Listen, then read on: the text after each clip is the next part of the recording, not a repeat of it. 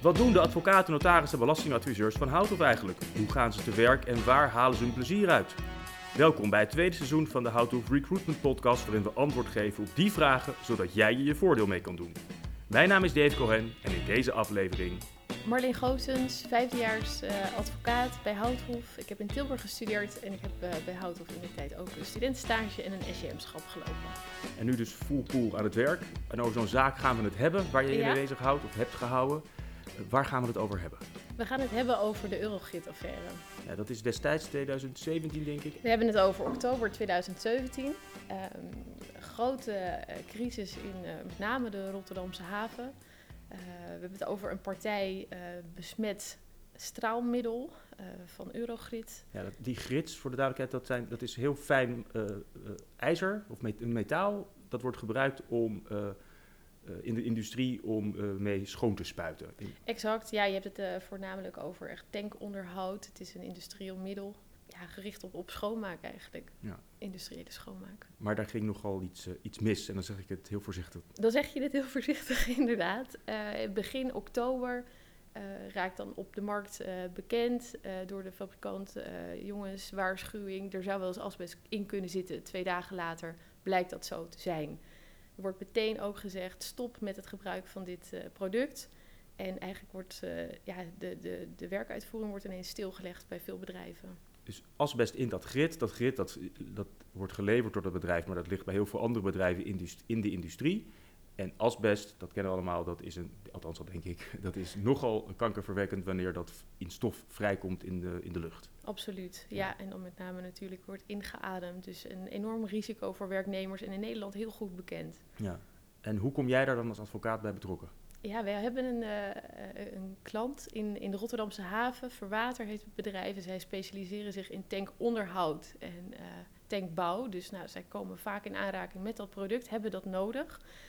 Uh, hebben heel veel werknemers die daarmee werken. Dus voor hen op het moment dat die waarschuwing naar buiten komt... nou ja, alles zijn op rood en is het een crisissituatie. En dan gaat bij ons de telefoon, uh, uh, komen jullie nu assisteren? We hebben hier een crisissituatie aan de hand en we hebben hulp nodig. En jullie zijn dan zonder per se namen te noemen, ja dat mag uiteraard, maar wat maakt, wie is de crisisadvocaat in dit geval? De crisisadvocaat, nou, ik doe het samen met, uh, met de partner in het team waar ik werk, Huib Lebbing, Health, Safety Environment Team. Nou, dat woord zegt het al, hier was health en safety en daar ligt ook het environment in het geding. De telefoon gaat, en dan gaan jullie als een soort uh, Superman, springen jullie in de auto en dan gaan jullie het daar redden. Hoe, wat gebeurt er dan? Wat, hoe gaan die eerste uren? Die eerste uren, dat is eigenlijk, het wordt in het Engels wel eens gezegd een dawn raid, maar het is echt, je rukt eigenlijk uit. Uh, dus uh, het is meteen de auto in, op weg naar het bedrijf. Het bedrijf wat ook, hè, dat zijn... Maar dat bedrijf is asbest. Dat bedrijf is asbest, ja, maar het hoofdkantoor niet, want dat wordt echt op de werkplekken gebruikt. Uh, dus je gaat meteen wil op locatie bij je klant uh, zijn op dat moment om te assisteren bij alles wat er op en af komt. En dat is heel veel. Noem eens wat. Uh, dat is direct natuurlijk prioriteit werknemers.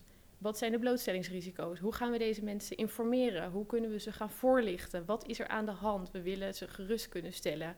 Of als er echt blootstelling is geweest, willen we ze informeren en toelichten wat het risico dan is. Maar jij bent advocaat, je bent geen uh, uh, psycholoog en geen communicatie-expert. Het klinkt alsof je dit allemaal tegelijk wel moet zijn. Het is best uh, divers eigenlijk op zo'n moment. Het klopt, echt zuiver juridisch, zoals je het misschien als je op de universiteit zit en ook de vakken tot je en de kennis tot je neemt. Dat is in, in de praktijk merk je dan wel echt even meer dan alleen dat. Natuurlijk, die juridische basis moet er absoluut en uitstekend zijn. Maar het gaat op zo'n moment ook over common sense, logisch meedenken. Je bent bijna eigenlijk ook ja, half consultant op zo'n moment. En Wat zijn dan adviezen die je geeft? Kun je daar iets van noemen? Nou, het gaat bijvoorbeeld als je het hebt over uh, nou, typisch asbest bijvoorbeeld. Pas twintig jaar later ga je, gaan mensen, als ze uh, ermee in aanraking zijn gekomen en besmet zijn geraakt, gaan ze gezondheidsschade ontwikkelen. Wat je dan meteen eigenlijk je realiseert, oké, documentatie jongens, we moeten dit op orde hebben. We moeten nu gaan inventariseren uh, wie er met welk product heeft gewerkt en in welke batch het zat. Dat is gewoon ook later juridisch gezien erg van belang, ook voor deze werknemers. Dus dat is een advies wat je bijvoorbeeld meteen op tafel legt. Uh, waar je vervolgens ook mee te maken hebt, althans zeker dat bedrijf, zijn alle toezichthouders die erop afkomen en die ook informatie willen hebben. Ja, want zodra er asbest, uh, sprake is van een asbest, laat ik maar zeggen, uitbraak, dan moet dat ook gemeld worden bij allerlei autoriteiten en dus komen de waakhonden, die worden wakker. Ja, exact. En dat was eigenlijk door Eurogrid zelf uh, als bedrijf natuurlijk al naar buiten gebracht. Dus die hebben dat disclosed aan de markt. Dus die toezichthouders waren bekend, maar die willen ook weten waar is het gebruikt? Waar zijn de risico's het grootst voor de werknemers, maar ook bijvoorbeeld omwonenden? Kan het zijn dat omwonenden van zo'n bedrijf ook uh, in veiligheid moeten worden gebracht? Het wordt dan in eerste instantie heel groot natuurlijk gelijk aangepakt, omdat we weten wat het risico van asbest is. Ja. Vervolgens neem ik aan, maar misschien is dat helemaal niet dan weer jouw expertise, maar er moet ook uh, actie worden ondernomen op de leverancier. Dat is uh, absoluut ook. Dat, dat, dat, is niet in die eerste dagen de allerbelangrijkste prioriteit. Het zijn echt de mensen. Dat zie je bij al die bedrijven die ook al, nou ja, op een dagelijkse basis is dat uh, natuurlijk de een van de speerpunten voor zo'n bedrijf. Maar goed, inderdaad, na enkele dagen ga je dan met elkaar hebben, oké, aansprakelijkstellingen.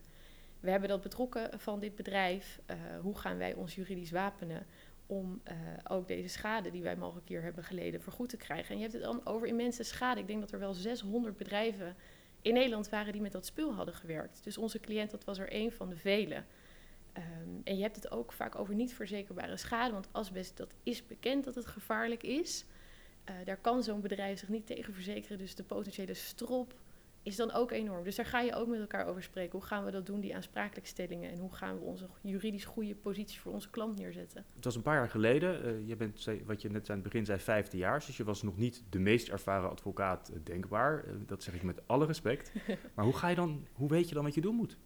Nou, je zit zelf ook nog wel even met je handen in het haar. Want het is natuurlijk du moment. Hè. S ochtends je komt op kantoor en denkt, nou, dit wordt gewoon een dag. Nou, als alle anderen zou ik niet willen zeggen bij Houthof, want er gebeurt nog wel eens wat.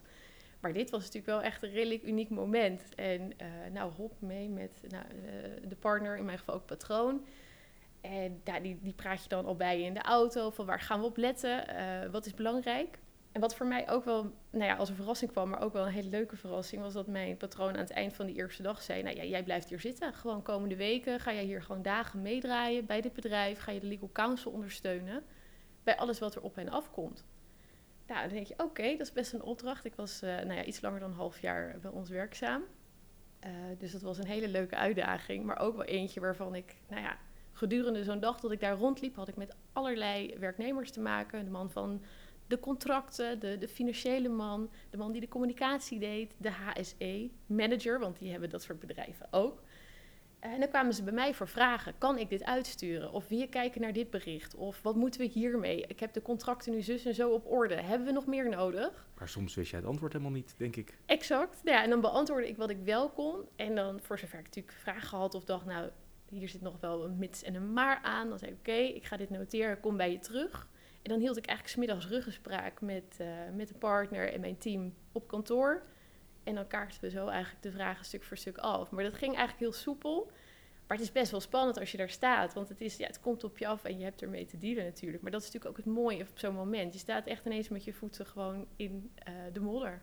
En extreem leerzaam. Extreem leerzaam. Nou ja, dat is denk ik het allermooiste moment. Dat je je realiseert dat wat jij in, de, in theorie allemaal hebt geleerd... dat dan in één keer moet vertalen naar de praktijk. Wat is nu echt belang? En ook het stellen van prioriteiten daarin. Um, wat ga je als eerst behandelen? Wat kan daarna? Ja, de manier waarop je je kennis daar toepast en in kan zetten voor zo'n bedrijf. Dat maakt het heel concreet. Ik denk dat dat voor mij ook echt wel een ontzettend goed leermoment, zeker in dat eerste jaar, is geweest. Zou je kunnen zeggen dat je de advocaat die je vandaag bent niet had kunnen zijn zonder, zonder die enorme steile leercurve en, en die soort van gedetacheerd zijn daar? ik denk dat het zeker heeft bijgedragen. Ik moet zeggen, ik heb het geluk nou ja, om in die HSE-praktijk te werken dat ik nog wel meer voorbeelden ook uh, heb meegemaakt. Maar dit was zeker een enorm leerzaam uh, moment. Gewoon alles wat er bij elkaar komt. Kijk, zo'n legal counsel, dat is echt zo'n spin in het web in zo'n bedrijf. Uh, naar boven toe, naar de aandeelhouders die geïnformeerd moeten worden. Naar beneden toe, die werknemers die in onzekerheid zitten. Dus je ziet echt een heel volledig beeld. En dat was echt wel in dit dossier waarom dit dossier er wel echt uitspringt. Ja, om, omdat je dan veel beter tastbaar bij jezelf krijgt hoe, hoe zo'n praktijk, niet je eigen praktijk, maar de praktijk van de cliënt, en daar doen we het uiteindelijk voor, hoe ja. die werkelijk eruit ziet, waar ja. die als je niet nou, zoals je zelf noemt, je voeten in de klei daar zou hebben gestaan, het toch misschien wat theoretischer blijft. Absoluut, Ja. ja. zeker. En je maakt gewoon ineens die vertaalslag. Zou je kunnen zeggen dat je levens hebt gered? Nee, dat kan ik zeker niet zo zeggen. Nee, dat, dat, dat gaat te ver. Dat gaat te ver. Maar ik denk dat wij op dat moment een soort ultiem hebben kunnen ontzorgen. En ik denk dat we daartoe ook als, als Houthof eigenlijk eh, ja, doen wat we doen. En zeker, dit was natuurlijk zo'n zo'n crisismoment. Nou ja, dat zijn natuurlijk ook de meest spraakmakende zaken direct. Maar hoe gaaf is het dat je gelijk dat kan doen voor je klant op zo'n moment?